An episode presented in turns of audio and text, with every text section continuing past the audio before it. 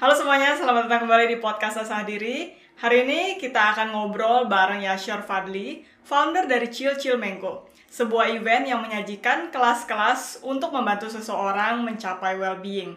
Kita juga akan mengulik lebih dalam lagi tentang kisah hidup Yashar, bagaimana dia bisa resign dari sebuah perusahaan yang sudah memberikan dia kestabilan finansial sangat baik. Dan apa sih yang sebenarnya memicu dia untuk mendirikan Chill Chill Mango ini? So, teman-teman, enjoy this episode.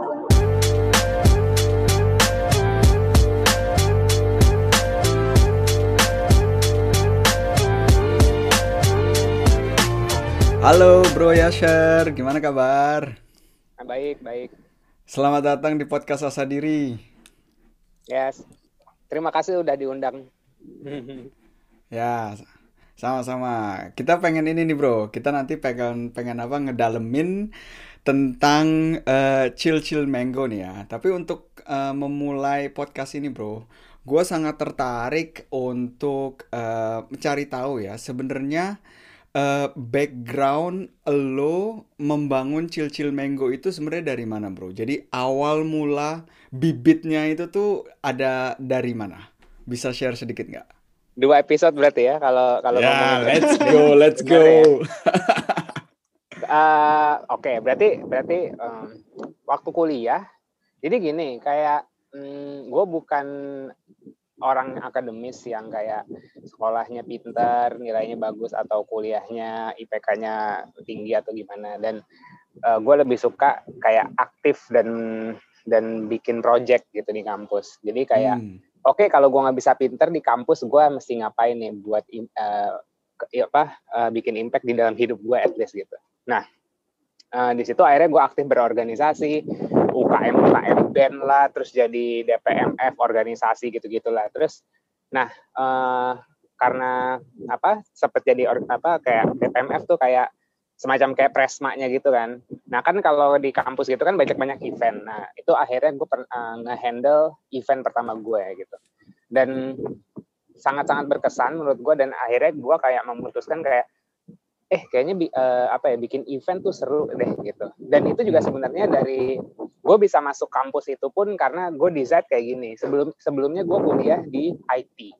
Hmm. Jadi eh, sebelum IT talent-talent IT sangat-sangat mahal sekarang dulu tuh gue udah kayak terinspirasi pengen jadi Rano Karno gitu kan kayak Hmm. eh, IT terus di Universitas Pancasila. Tapi rupanya karena karena dulu SMP SMA mainnya main warnet gitu. Jadi kayak Hmm. oke gue pengen bikin game, pokoknya gamers all, all about game dan komputer. Tapi rupanya kayak matematikanya gila di situ aljabar, algoritma dan segala Hmm. macam ya udah gue putusin kayak oke gua gua gua gua ngampus yang nggak ada hitung hitungannya apa ya? Oh ya broadcasting atau komunikasi. Nah dari situ ya udah.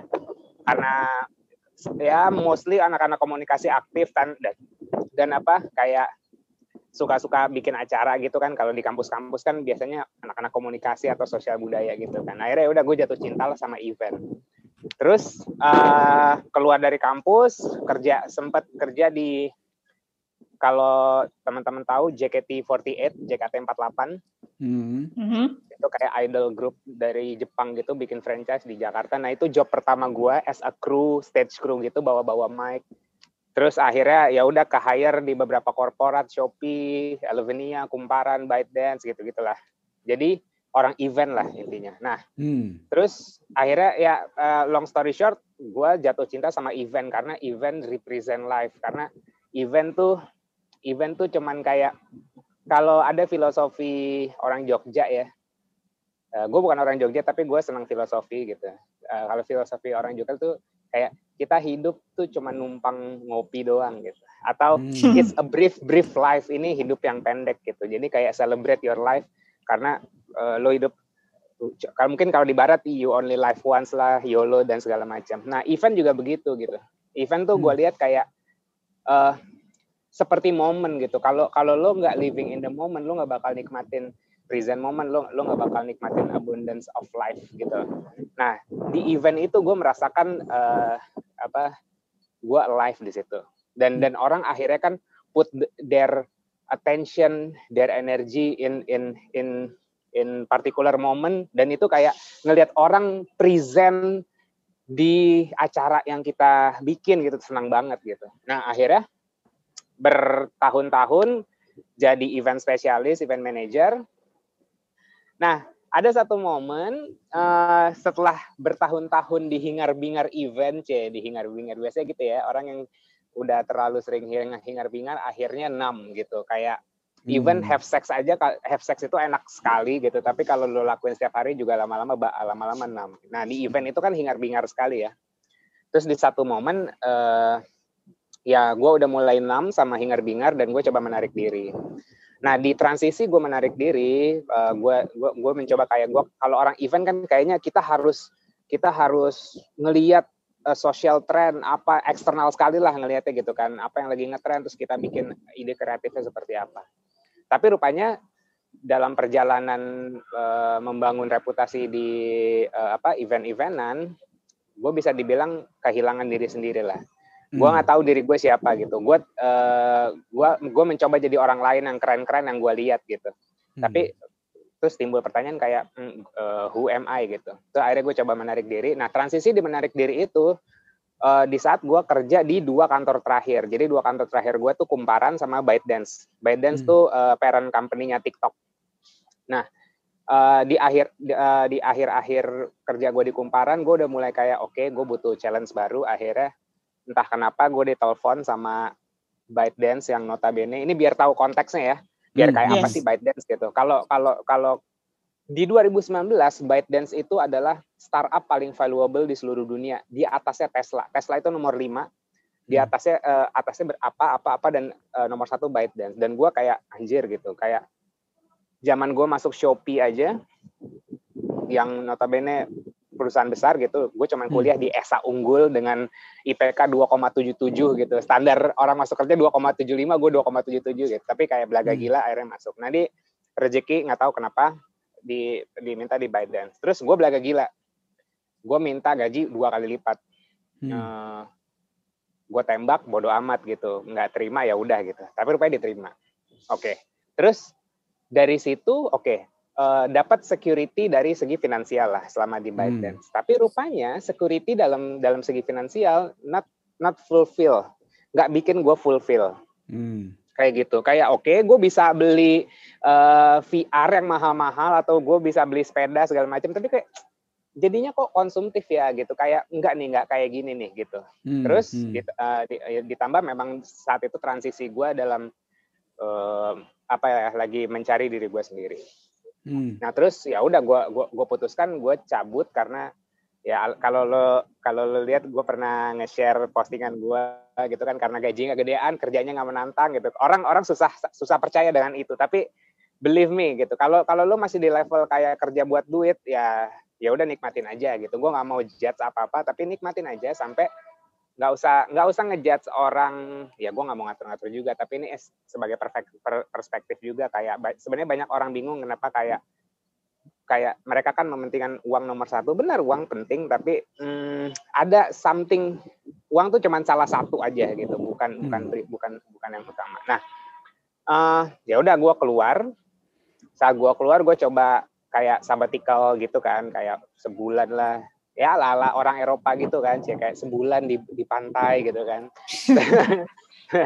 Terus menghabiskan tabungan dan akhirnya panik sendiri. Tapi tapi kayak kayak dari situ dari situ nggak um, tahu kenapa. Maksudnya gini gua um, kalau kalau kalau lo udah mulai start self discovering gitu ya um, memulai perjalanan itu perjalanan apalah banyak lah orang sebutnya kan bisa dibilang perjalanan spiritual lah awakening lah enlighten lah uh, apa pun itulah satoru lah moksha dan segala macam itu kayak tapi terlalu fancy sih eh, istilah-istilah gitu tapi maksudnya kalau lo udah mulai start your journey untuk mengetahui dirimu sendiri gitu pasti nanti uh, muncul yang lucu-lucu lah di kepala lo gitu nah uh, ya, lucu-lucu di sini banyak konteksnya ya tapi kita pakai hmm. bahasa hmm. yang ringan aja terus uh, kepikiran terus ya mikir kayak posisi gue di di di di hidup ini apa gitu di dunia ini apa posisi gue gitu maksudnya kayak ya pertanyaan-pertanyaan eksistensial question hmm. gitu yang yang kayak baru keluar di umur 30 kayak telat gitu tapi oke okay lah gitu nah uh, terus uh, gimana gue bisa contribute, gimana gue bisa berkarya gitu. Dan akhirnya uh, gue gue dapat sebenarnya ini bukan resep, bukan dalam tanda kutip resep baru, tapi kayak uh, istilahnya emang uh, dari diri gue sendiri gue nggak ngeliat siapa-siapa. Gue uh, gue menggabungkan satu apa apa yang gue bisa anggapannya skill gue gitu. Apa yang gue bisa oke okay, gue bisa event. Oke okay, gue bisa bikin event gue bisa bikin gue bisa ngurusin uh, ngurus community gitu kan. Maksudnya kayak kadang-kadang gue juga dalam tanda kutip jealous sama perusahaan-perusahaan yang kayak gue bikinin event dia dia dapat duit banyak dari sponsor gue cuma dapat gaji bulanan. Kayak hmm, kayaknya kalau gue bikin event sendiri gue bisa dapat duit banyak deh gitu. Terus akhirnya ya itu salah satu gue cabut dan mau bikin event organizer. Nanti akan akan akan akan gue ceritain lagi. Nah gue menggabungkan apa yang apa yang gue bisa bikin event. Terus apa yang gue punya gitu. Yang gue punya adalah koneksi uh, terus uh, finansial tabungan gitu. Uh, skills gitu. Apa yang gue bisa apa yang gue punya itu mirip-mirip tapi tapi sebenarnya berbeda. Dan apa yang dibutuhkan oleh uh, uh, diri gue yang lain cie. Kalau dulu sih gue ngomongnya apa yang dilakukan oleh apa yang dibutuhkan oleh netizen gitu. Tapi uh, kalau konteksnya kayak oneness lu adalah gue gue ada lu jadi kayak apa yang gue bisa contribute terhadap diri gue sendiri di luar sana. Nah tiga hmm. itu gue gabungin akhirnya uh, eh, gue kepikiran oke okay, saat itu uh, masyarakat lagi glorifikasi mental health saat 2018 2019 uh, itu banyak studio-studio yoga studio-studio meditasi influencer-influencer spiritual langsung pada booming semua uh, ya udah gua gua rasa itu adalah satu tanda orang udah mulai realize dia butuh kesehatan mental dan uh, reali spiritual atau ya spiritual realization lah ceritanya gitu. Hmm. Nah, ya udah terus gue coba gabungin, oh ya udah gue bikin event yang uh, mengakomodir kebutuhan-kebutuhan mereka itu. Akhirnya sebenarnya akhirnya muncullah Chill Chill Mango gitu. Chill Chill Mango tuh kayak semacam sebu sebenarnya aslinya sebuah event yang mau gue bikin di 2020 ini di Maret uh, sebelum ada Covid yang isinya tuh kayak kalau lo bayangin mungkin nggak tahu nih yang eh, pendengar umur umurnya kalau masih muda mungkin agak susah relate kayak Woodstock gitu atau uh, kalau di Bali namanya Bali Spirit Festival cuman ada di Bali cuman ada satu di Indonesia event event-event kayak gitu. Kalau di luar banyak sekali kayak hippies hippies atau jungle jungle festival gitu ya yang outdoor apa apa sih ya yang kayak gitu gitulah yang yang hipis-hipis boho-boho festival yang isinya yoga, meditasi lah, sound healing, hmm. joget-joget bareng nggak jelas, rainbow-rainbow family gitu. Nah, gue ada interest ke situ lah gitu. Kayak gue gue uh, nge-value uh, kebebasan. Hmm. Nah ceritanya Cil-Cil Menggo mau ke arah sana, tapi gue nggak mungkin langsung se ekstrim itu bikinnya. Jadi kayak yeah. gue pelan-pelan. Nah, Nah, kalau kalau penasaran silakan lihat Cil-Cil Menggo yang postingan-postingan di bawah-bawahnya yang zamannya dia masih event uh, dan dan banyak banyak apa banyak program-program acara yang gue tawarkan. Nah, COVID hmm. COVID datang uh, apa Cik Rona, Cici Cici Rona ini datang gitu mampir ke Indonesia akhirnya postpone. Terus uh, akhirnya ya udah uh, gua shifting sampai sampai nanti dapat kesempatan lagi uh, ya Chill Chill Mango ini as a community. Community yang bervalue bahwa growth is not just being busy. Kayak gitu sih. Hmm. Wow, panjang ya. Mantap. Aduh, sorry sorry. Enggak enggak enggak apa-apa ya. Justru itulah uh, di mana kita juga jadi bisa tahu ya asal asal muasal dan akarnya dari Chill Chill Mango itu apa gitu. Karena gua sendiri juga tadi dengan story yang lu share itu, gua pribadi gue juga bisa relate ke lu ya. Karena uh, sam intinya mirip beda beda ininya, beda verpakung tuh apa ya, beda bungkusnya aja. Jadi gue juga pada saat itu um, gue juga udah kerja di corporate juga dan gue uh, mendapatkan posisi yang lumayan. Feeling yang barusan lu describe gitu ya di mana lu ngerasa oh ya ini uh, lu mendapatkan finansial yang lebih tinggi gitu ya. Tapi kesenangan itu tuh kayak tidak berlangsung lama gitu loh. Lu cuma like couple of days, maybe a weeks, uh, something like that. Di mana lu ngerasa oh ya oke, okay, sekarang gue bisa jajan lebih banyak lagi. Kalau mau beli udang di sini ya lu tinggal beli aja, udah nggak usah rempong kalau pengen makan seafood gitu kan. Um, tapi oh, ya mahal itu gitu. udang ya. Iya makanya udang, kangkung gitu-gitu lah mahal di sini. Gak ada pantai bro. oh iya. Gak ada pantai, gak ada laut.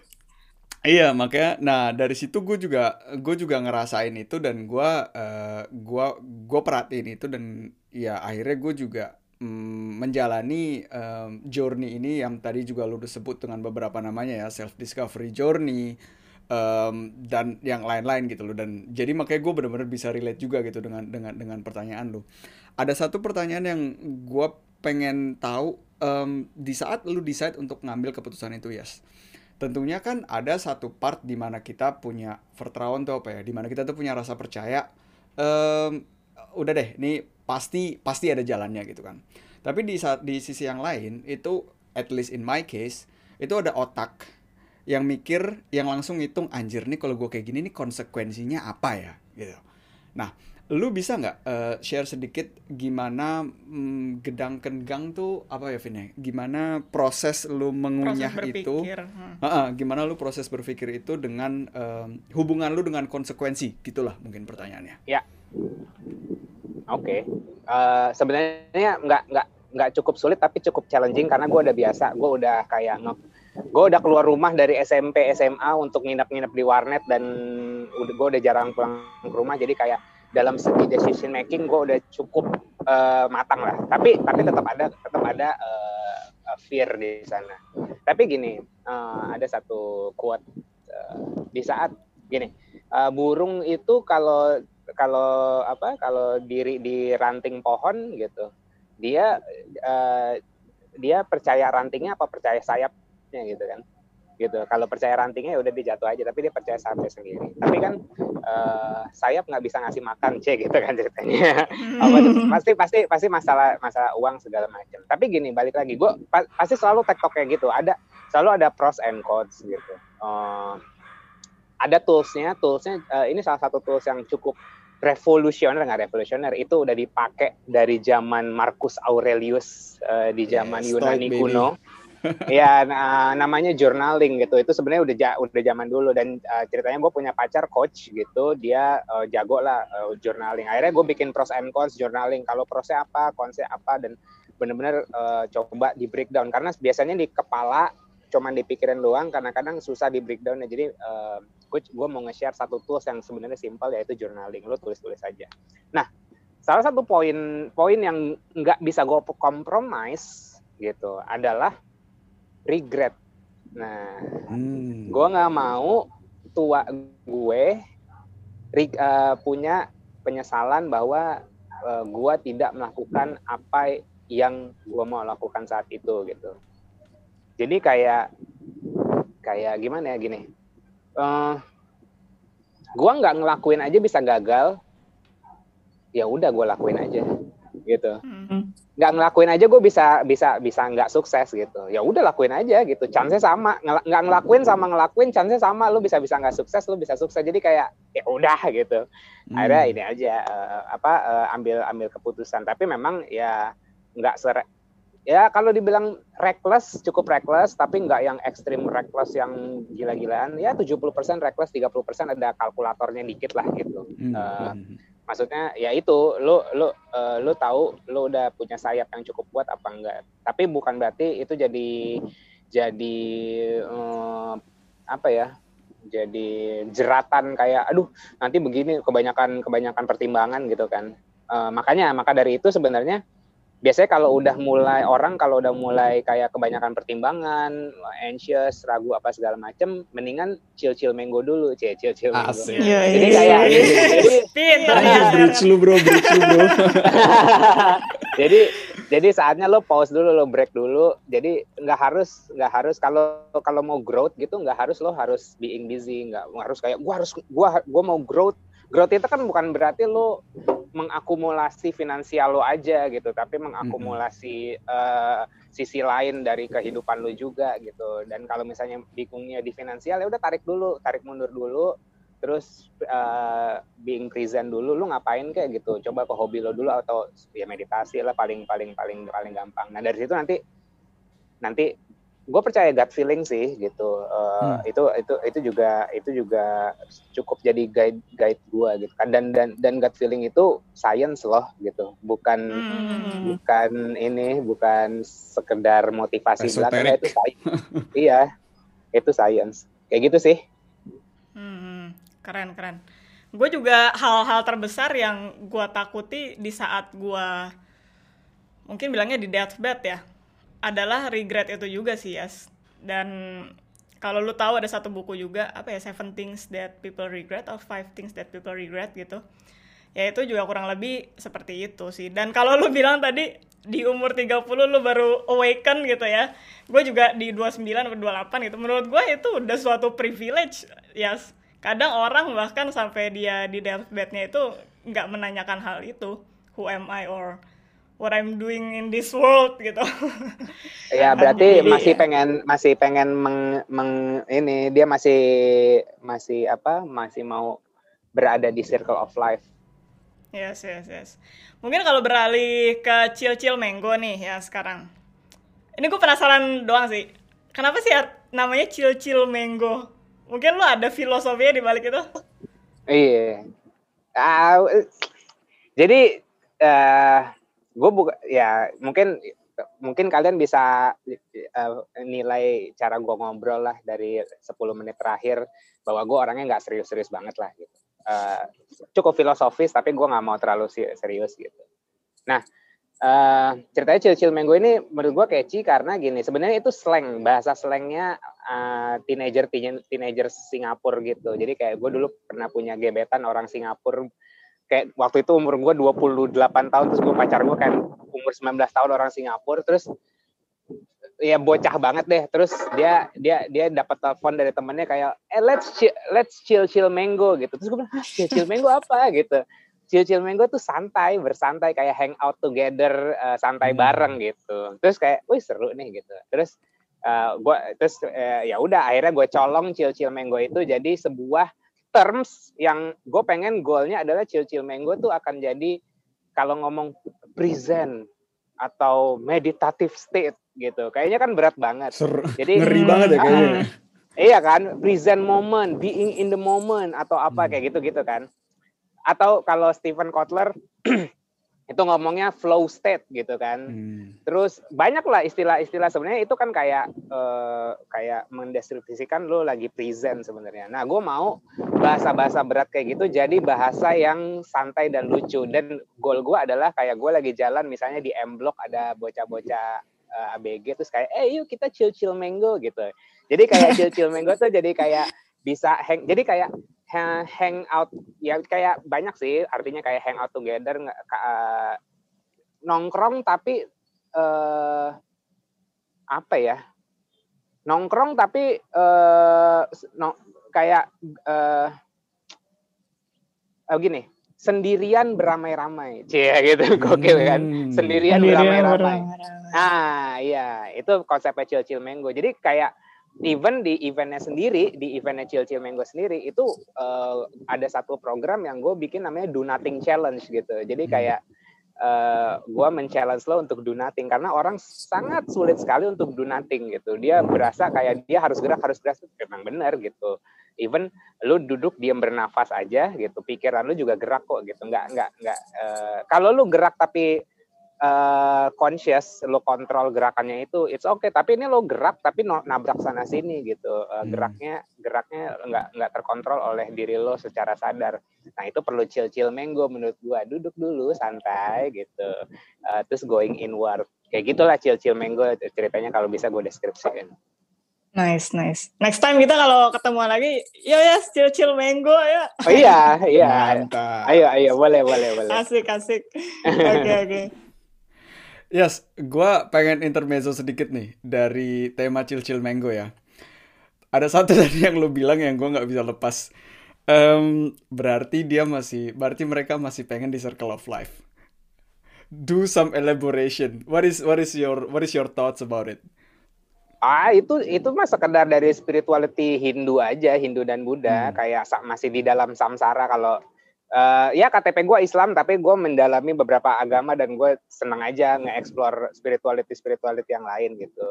Hmm. Um, um, jadi kayak seru aja kalau di di setiap di setiap di, di setiap jalur spiritual spiritual yang bebas ataupun yang ada di agama sebenarnya cuma beda-beda nama doang gitu kayak hmm. kayak enlighten atau moksha atau hij, di Islam tuh hijrah sebenarnya gitu kan sebenarnya dia kan keluar dari lingkaran lingkaran apa ya lingkaran ya kalau kalau di Hindu namanya samsara lingkaran penderitaan gitu dia kayak hmm. masih masih hidup di material yang kayak belum belum tersadar lah gitu hmm. jadi kayak kalau kalau di Hindu di Hindu dan Buddha Buddha kan kalau dia masih ada di samsara berarti dia akan akan reinkarnasi terus menerus gitu. Hmm. Sementara kayak capek kali reinkarnasi lu udah berkali-kali jadi manusia hmm. dikasih kehidupan gitu. Saatnya lu pergi ke nirvana gitu lah. Yeah.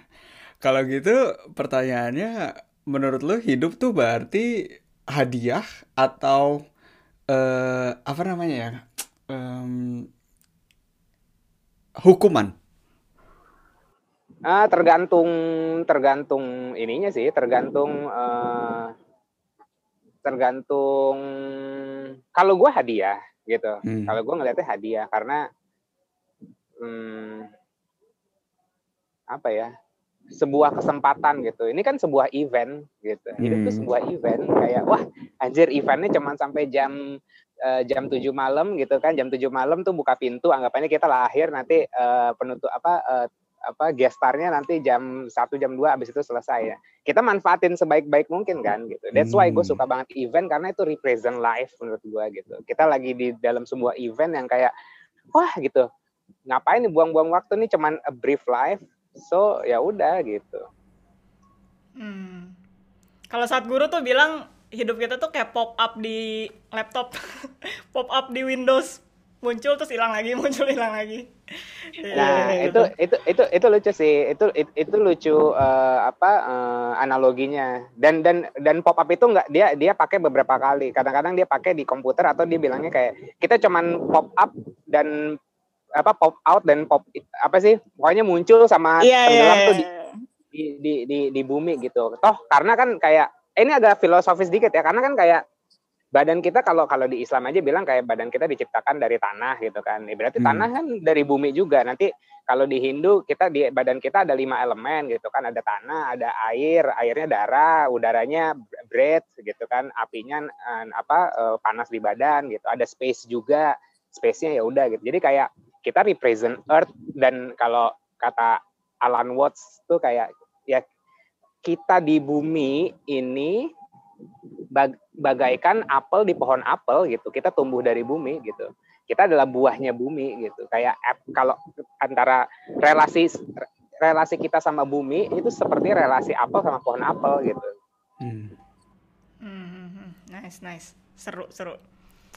Um, ini nih balik lagi ke Chill Chill Mango itu sendiri nih Yas. Kan kalau gue lihat dari konten-konten lu banyak um, kelas-kelasnya itu yang mengedepankan atau fokus ke arah well-being gitu kan. Um, Sebenarnya kalau buat lu sendiri well-being itu tuh apa sih? Gimana orang bisa mencapai yang namanya well-being? Oke, kenapa kenapa cil-cil mango macam-macam kayak gue gue sebenarnya cukup prihatin kayak 2018 2019 orang mengglorifikasi mental health gitu kan. Sementara kayak uh, apa kayak gini. Gue depresi misalnya kayak gitu. Oke lo depresi terus uh, makan lo bener gak gitu? Tidur lo cukup gak? Lo hangout sama orang-orang yang uh, growth minded gak gitu? Lo olahraga gak? Kayak gitu-gitu nggak diperhatiin. Dia dia dia fokus sama mental mental mental. Mental bagus tapi itu nggak bisa. Itu tuh kayak koin gitu. Men physical mental itu uh, berkaitan satu sama lain gitu. That's why cil cil mango itu gue pengennya mengedepankan kalau bahasa kalau bahasa kunonya tuh holistik lah. Tapi kalau anak-anak muda kalau gue gua kali gua kasih keyword holistik kayaknya terlalu tua gitu. Jadi kayak hmm. entah well being atau wholeness gitu. Jadi kayak kalau ya kalau kata saat guru fisikal mental eh, em, uh, energi sama emosi emosi kan gitu. Jadi kayak lu nggak bisa cuman fokus di salah satu aspek aja gitu. Lo harus rata balance. Supaya lo bisa berdansa supaya lo bisa joget di atas dunia ini lo butuh keseimbangan kan. Kalau kalau hmm. kalau kalau kalau lagi gempa atau lagi nggak seimbang lo berdiri di atas papan yang nggak seimbang juga lu nggak bisa dancing, lu nggak bisa menikmati, lu nggak bisa berdansa di atas dunia ini. Jadi kayak uh, keseimbangan perlu banget nggak harus mental-mental aja tapi fisik juga emosional juga uh, energi juga harus di, di diperhatiin. Jadi kayak makanya re, bisa dibilang kayak ada beberapa masukan juga kayak random banget sih. Ada kadang-kadang ngomongin meditasi kadang-kadang ngomongin makanan kadang-kadang ngomongin breathwork kadang-kadang ngomongin olah, olahraga gitu kan ya emang begitu. Uh, lu nggak bisa cuman kayak mental mental mental mental nggak bakal nggak bakal deh. Uh, lu cuman anggapannya dalam tanda kutip ngebenerin mental lo doang tapi fisik nggak lu perhatiin itu nggak bakal ngangkat gitu. Hmm. kalau iya, komputer yeah, tuh kayak memori sama RAM harus saling ngangkat satu sama lain gitu. Kalau memorinya gede RAM-nya kecil nggak ngangkat gitu. Ya gitulah hmm. ceritanya mungkin menurut gue yang bikin orang juga sampai akhirnya muncul masalah mental health itu um, karena mungkin apa ya bisa bilang 10 tahun ke belakang orang sebelum muncul masalah mental ini ya orang lebih mengedepankan justru sebaliknya ya fisik gitu. Diet diet berbagai jenis olahraga fitness segala macam mereka nggak memperhatikan mental juga jadi kayak gegentail lah jadi jadi kayak lawannya gitu loh. Baru akhirnya pasti mental health issues ini muncul orang baru mikir lagi gitu. Jadi menurut gue itu si mental health itu juga efek dari orang nggak punya informasi sebelumnya soal menjaga keseimbangan mental. Nah, ya, eh boleh. Itu uh, itu uh, itu bisa di itu bisa diterima. Tapi you know what sebenarnya apa apa yang kita apa yang kita lihat sekarang kayak misalnya gini mental health lagi naik gitu kan. Atau perang lagi parah gitu kan atau apa pun itulah eh, nggak usah nggak usah nggak usah dalam-dalam nggak usah jauh-jauh. Kayak mental health. Ya ampun mental health itu sebenarnya dari dulu dari dulu udah ada tapi orang nggak sadar aja. Ini kan gara-gara internet aja gara-gara akses orang akan informasi mental health itu akhirnya uh, gampang diraih akhirnya jadi norak gitu baru kayak oh jadi gini ya? Oh kalau kalau kalau suka nangis sendiri tuh berarti depresi ya gitu. Padahal hmm. kalau dari dulu mah orang juga udah pada sakit sakit jiwa. Ya, ya, ya, ya. gitu padahal sama aja lah gitu. Cuman bedanya informasi bisa diakses sekarang. Kemarin nggak nggak bisa diakses gitu. Ya emang ya ya namanya kayak gitu ya setuju juga gue sama lu gitu bahwa itu udah ada. Cuma uh, mungkin yang sekarang ya itu juga kalau gue ngeliat itu kayak pedang bermata dua gitu ya. Yes kalau lu dengan kita sekarang bisa dapat informasi dari mana aja gitu ya. Di mana sekarang ya challenge-nya adalah di mana lu bisa mendapatkan informasi yang tepat, ya kan? Nah, sekarang dengan dengan adanya sebanyaknya informasi ini, gue juga kadang-kadang yang kayak yang tadi lu bilang gitu, ada yang bilang, oh berarti kalau gue nangis sendiri artinya depresi, which is not the case. Itu itu bukan indikator satu itu bukan indikator satu-satunya dan dua belum tentu itu adalah indikator yang tepat. Karena at the end of the day lu menangis kalau buat gue pribadi ya man I cried so gue nangis sendirian tuh sering banget di dalam hidup gue dan justru itulah menjadi justru gue ngeliat itu menjadi tools untuk bisa being like feel relief dan like expressing one's feelings gitu loh. Jadi ya ya itu sih yang yang yang gue ngeliat juga tuh agak gimana ya kalau orang main ngambil mentah-mentah gitu aja akan informasi yang setengah dibaca gitu-gitu. Gitu nggak menurut lo? Iya, apa pun yang lo baca dan lo konfir dan lo konfirmasi secara literal, uh, ya nggak benar aja gitu. Ayat yeah. suci aja ya lo lo iya. konsumsi yeah. secara literal juga ngaco jadinya gitu yeah, kan. Yeah, yeah, yeah. Dan hmm. kayak masalah nangis, nangis ya nangis nggak bukan sesuatu yang jelek. Gua gua meng, gua menjadwalkan nangis gua loh. Hmm. gue gue bikin jadwal gue untuk nangis seminggu sekali nonton nonton Naruto bagian bagian Might Guy mati sama Madara gitu lewat Madara terus dia kayak berkorban lah terus gue bilang kayak oh manly banget terus manly tears gue manly tears mengucur. langsung mengucur terus kayak ah relief gitu kan ya udah okay, itu cari okay. cari anime anime momen yang kayak uh, apa epic hero moment gitu terus kayak hmm. lah gitu. dan itu seru maksudnya kayak Aderai even Aderai sendiri ngomong dia eh gue gue belajar itu dari Aderai jadi zaman berapa tahun yang lalu Aderai pernah di interview terus dia bilang nah gue gue ngejadwalin nangis gue loh kata dia gitu hmm. wih gokil juga nih keker keker gitu keker keker mewek gitu boleh lah gue coba eh rupanya bermanfaat gitu ya udah gitu gue lakuin sampai ya, sekarang ya. Hmm. Oke, okay. dan tadi ya lu juga udah ngomongin tentang joget-joget dan nari-nari sendiri ya, ya. Um, bisa share sedikit nggak pengalaman lu tentang meditative dancing? Oh, meditative dancing. Oh, lu uh, pertanyaan ini karena lu ngelihat uh, YouTube gue atau memang lu ada tertarik tertarikan di sana? Gua adalah dance teacher dan gua sadar nggak sadar melakukan meditative dancing atau gua gua nggak nyebutnya dancing, gua nyebutnya movement basically where I just close my eyes um, dan dan I just be in the present Wah, gua gua nggak tahu tuh bahasa asik kayak gimana tuh selain present moment. Tapi gua chill, chill mango dong. Chill chill mango gitu. Berarti gua gua tutup mata, gua sambil chill chill mango dan gua menggerakkan tubuh gua sendiri. Yes, yes, yes, yes, yes. Kayak gitu. Ya. Yeah. Even even uh, ya yeah, FYI di salah satu programnya Chill Chill Mango juga ada kayak ref meditation. Jadi kayak dugem-dugem meditatif gitu ceritanya. Tapi ya udahlah nanti 2021 lah nanti insya Allah tapi kalau ngomongin dance gue terinspirasi dari Alan Watts. Gue suka banget sama Alan Watts. Hmm. uh, dia merepresent life is like uh, the form of art. Hmm. life tuh kayak form of art seperti main musik dan menari.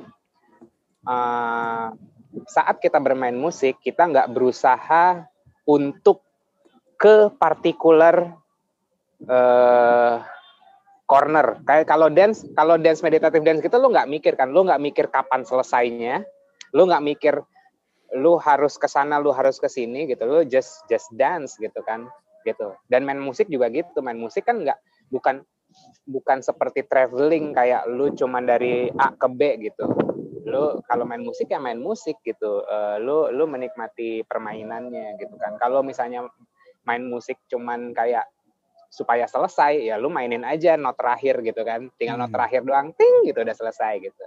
Nah dia, dan ya, menurut gue resonate banget karena even gitu kayak uh, Rumi gitu. Rumi tuh kayak uh, dari uh, kayak saat gurunya orang Islam lah gitu. Kayak uh, sufi uh, apa uh, guru besar sufi di Turki gitu sampai dia kayak akhirnya mempopulerkan si dance yang muter-muter doang itu loh tahu gak loh yang dance yang aduh dance gua tau, tau, tau. yang pakai baju ada. baju agak lebar gitu bukan sih iya bajunya agak lebar gitu yeah, iya, dress yeah. lebar terus topinya tinggi terus dia cuman muter doang muter begini muter kayak gangsing itu tuh uh, itu tuh tarian spiritual gitu. Jadi even hmm. secara literal saat lo dance itu lo alive gitu. Uh, ya, jadi kayak de, menurut gue untuk merepresent uh, life itu bisa dengan menari sih. Di saat lo menari lo kayak nggak nggak nggak mikirin kapan selesainya, lo cuma nikmatin tariannya. Hmm. Nah, um, itu kalau gue pribadi, gue kan melakukan itu uh, sesinya jadi gini, jadi gua ngajar nari dulu, gua bergelut di dunia tari dulu, baru gua ketemu, uh, baru gua menjalani proses gua dan Tahu Portal Ido, Portal Ido. Portal Ido tahu, wah, hmm, ya, hmm. Nah, jadi prosesnya gue gue udah di nari dulu nih. Nah, gue find out buat diri gue sendiri untuk me, untuk melakukan itu um, gue lebih ngerasa comfortable kalau gue sendirian karena karena di sisi lain sebagai gue dunia tari adalah gue perform di atas di mana semua mata tertuju ke gue kan nah sedangkan di situ gue nggak nyaman kalau gue ada mata tertuju di situ. Nah tadi balik lagi ke lu uh, buat teman-teman bisa cek juga YouTube-nya Yasher.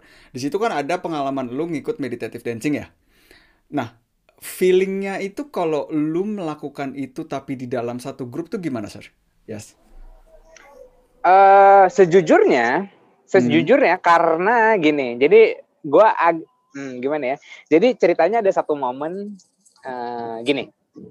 Biasanya, ini peng based on pengalaman gue biasanya kalau vibrasi kita naik itu secara nggak langsung kena gendang dikit tuh badan kita goyang anggapannya. Yeah. Kayak gini. Contohnya gini. Misalnya gue, misalnya gue pagi-pagi yoga gue lagi bener nih pagi-pagi yoga udah yoga bener meditasi breathwork segala macam kayak lengkap paket lengkap lah lagi bagus banget. Di situ tuh gue ngerasa kayak vibrasi gue naik lah gitu. Kayak wah gila feeling good.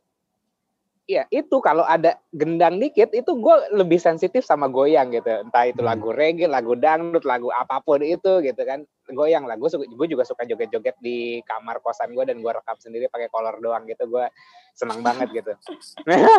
Terus ah, di situ di situ akhirnya gue terinspirasi kayak wah gue cobain ah meditative dance gitu nah ah, akhirnya gue cari-cari ketemu si Mbak Pungki tapi kan kalau si Mbak Pungki ini kan eh, backgroundnya kontemporer dance gitu, ya Hmm. kan? Kon- eh, kontemporer dance dan, dan dan yang gue rasain adalah gini, wah nggak kayak gue di kamar nih. Kamar gitu. Nih. bisa- iya, nggak nggak kayak gue di kamar nih bisa bisa bisa joget-joget aneh gitu.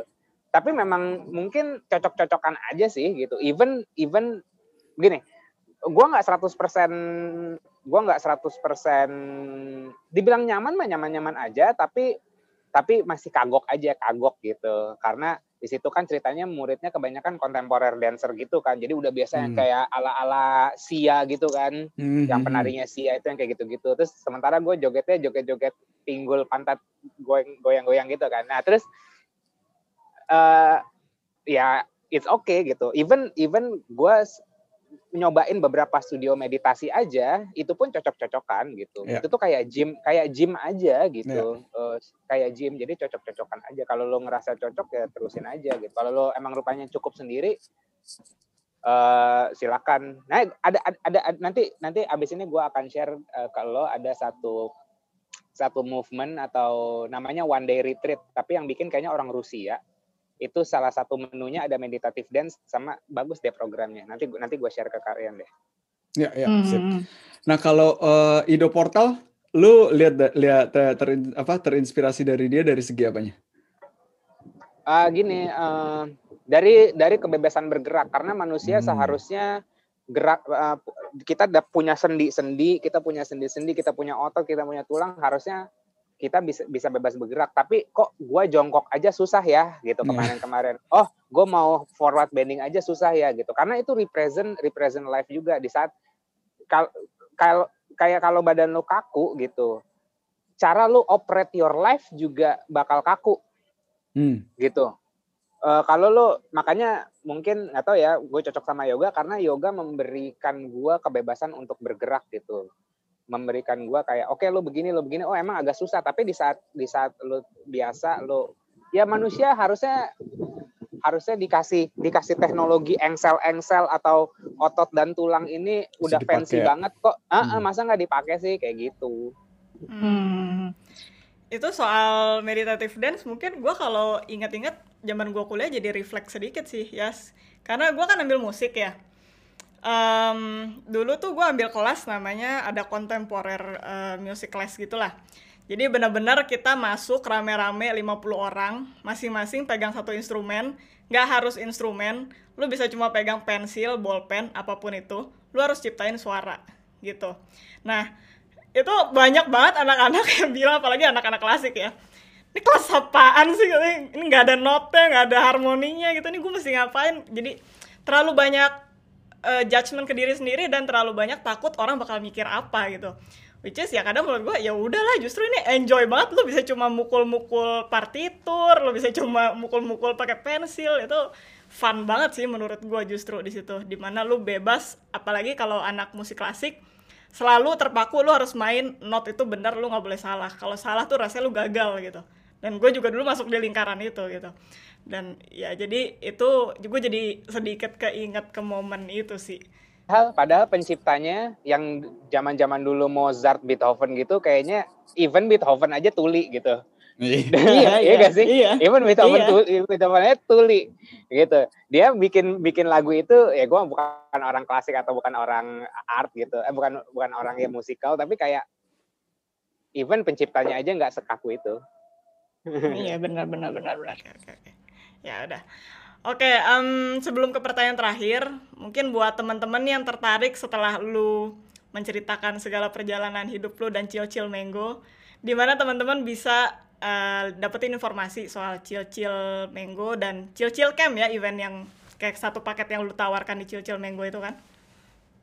Sebenarnya Chill Mango nama eventnya, terus kemarin karena ada beberapa partner yang udah kadung deal buat chill-chill mango terus mereka gregetan eh ayo dong bikin gitu ya udahlah bikin online camp gitu jadi gue bikinnya namanya chill-chill Hmm, camp Oke, oke, oke. Itu bisa lihat di mana ya? di uh, Infonya. Instagram at Instagram at chill chill mango eh chill underscore mango dan ya Oke. jangan terlalu ya saran gue jangan expect too much karena gue bukan orang sosial media tapi di saat ada momen yang bagus dan ada value yang mungkin bisa gue share ya akan gue share mudah-mudahan itu bisa cukup uh, menginspirasi atau memberikan value buat kalian lah Nice, tapi nice. untuk untuk ngobrol sama gue silakan banget gue senang ngobrol. Oke, pertanyaan terakhir nih. Mimpi terbesar lu sekarang apa ya? Atau apa sih yang pengen lu raih di dunia ini? Oh, gue pengen punya eco resort sih. Jadi kayak kayak gini, kayak gue pengen punya ashram, tapi bukan yang kayak gue bukan jadi satgurunya. Jadi kayak gue punya eco resort gitu. Terus eco resort ini nanti ada beberapa, ya ini gue ngomong sambil gue bermanifestasi lah. Gitu. Gue punya eco resort, terus eh, di tengah-tengah hutan cabin kabin kabin gitu terus bisa disewain orang nanti di sebelah sana ada sawah-sawahan buat orang belajar gardening di situ ada satu space buat orang belajar yoga satu space untuk bela orang belajar qigong movement terus ada kolam renang ada buat meditasi kayak gitu-gitu jadi Nice, kayak punya nice. eco resort yang yang akhirnya ya kayak pesantren kilat tapi versi nggak religius Hmm. Yes, yes. Ya, kita berdua pengen ucapin thank you buat waktu lu ya sudah mau berbagi dan sharing cerita lu di podcast Asa Diri hari ini. Dan kita doain juga semoga Eco Resortnya cepat terbangun ya. Ntar kita chill-chill mango di sana bareng. siap bareng thank you banget udah diundang Oke. eh, di Asadiri Thank you. Thank you, Yas. bye Dah. bye Hey guys, thank you udah ngedengerin episode podcast Asa Diri kali ini. Semoga episode tadi bisa memberikan nilai lebih dan value lebih untuk lo yang ngedengerin. Kalau lo pengen support kita, bisa dengan follow Instagram kita di @asahdiri.ind, subscribe YouTube channel kita di Asahdiri, dan juga bisa taruh review di Apple Podcast. Ingat juga untuk share ke teman-teman kalian dan terus asah diri. Karena berlian tidak bersinar dengan sendirinya. Sampai ketemu di episode selanjutnya.